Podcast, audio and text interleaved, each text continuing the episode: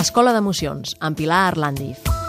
I avui a l'Escola d'Emocions una emoció molt potent, que molt present en el nostre temps, que costa d'explicar als nostres fills, eh, però que pot créixer i per tant cal poder-la explicar, poder-ne parlar.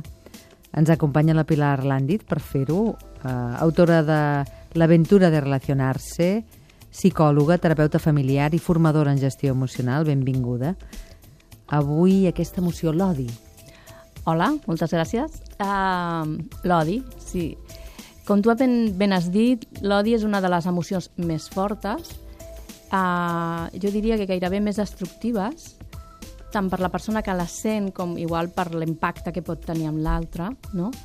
És una de les emocions que, que no ens deixen viure plenament, doncs perquè és això, van, van cultivant d'alguna manera una sensació de desgrat, d'ira, de malestar intern molt intens, amb una sensació com de destruir no? l'objecte de l'odi. No? Eh, com tu dius, bueno, l'odi eh, s'ha de poder explicar. El que passa que, que a mi avui m'agradaria fer una pinzellada amb l'odi a un mateix, perquè hi ha l'odi extern, no?, cap a altres persones, altres eh, animals, eh, eh, mol, molts aspectes, no? però a mi m'agradaria que poguéssim fer aquesta pinzellada amb, amb l'odi un mateix, perquè quan jo me'l trobo no? i el veig, doncs veig el dolor que provoca. No? Quan un nen et diu m'ho diu, no? O un adult et diu m'ho diu, doncs hi ha un dolor tan intens amb aquella frase que, que, que fa mal, no? Llavors, m'agradaria tractar-ho, no?, perquè, perquè penso que és molt important. Quan algú, per exemple, hi ha com qüestions de dir, ho diu el meu cabell, no?, és, és el que hem dit, és com si volgués destruir no? a, allò que, que objecte de l'odi. No? Jo crec que, que, que els nostres fills i filles els hem d'ajudar, si en algun moment apareix aquesta mm, frase o, o dirigida cap a un mateix, els hem d'ajudar a, a realment a reconduir-ho per poder acceptar i veure què és el que li està provocant tant de dolor, perquè l'odi en definitiva és dolor.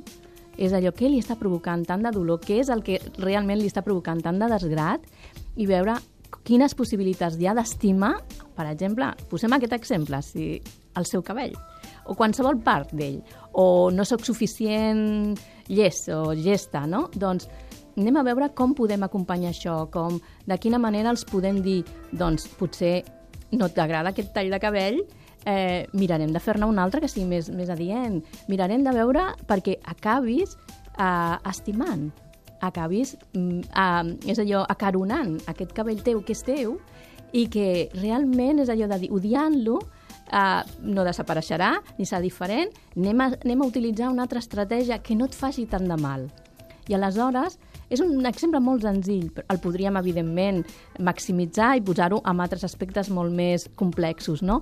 Però, però jo penso que si mirem això com tan, tan petit, bueno, tan petit i a vegades tan, tan gran, no?, per, per un nen o nena, entendrem el que, com a vegades és allò de dir ploren o es desesperen per un, per un tema d'aquests perquè estan focalitzant amb allò doncs tota una sensació interna que tenen de si mateixos. I això és molt important, mirar-ho, acompanyar-ho i sobretot ensenyar això, a estimar-lo d'una altra manera.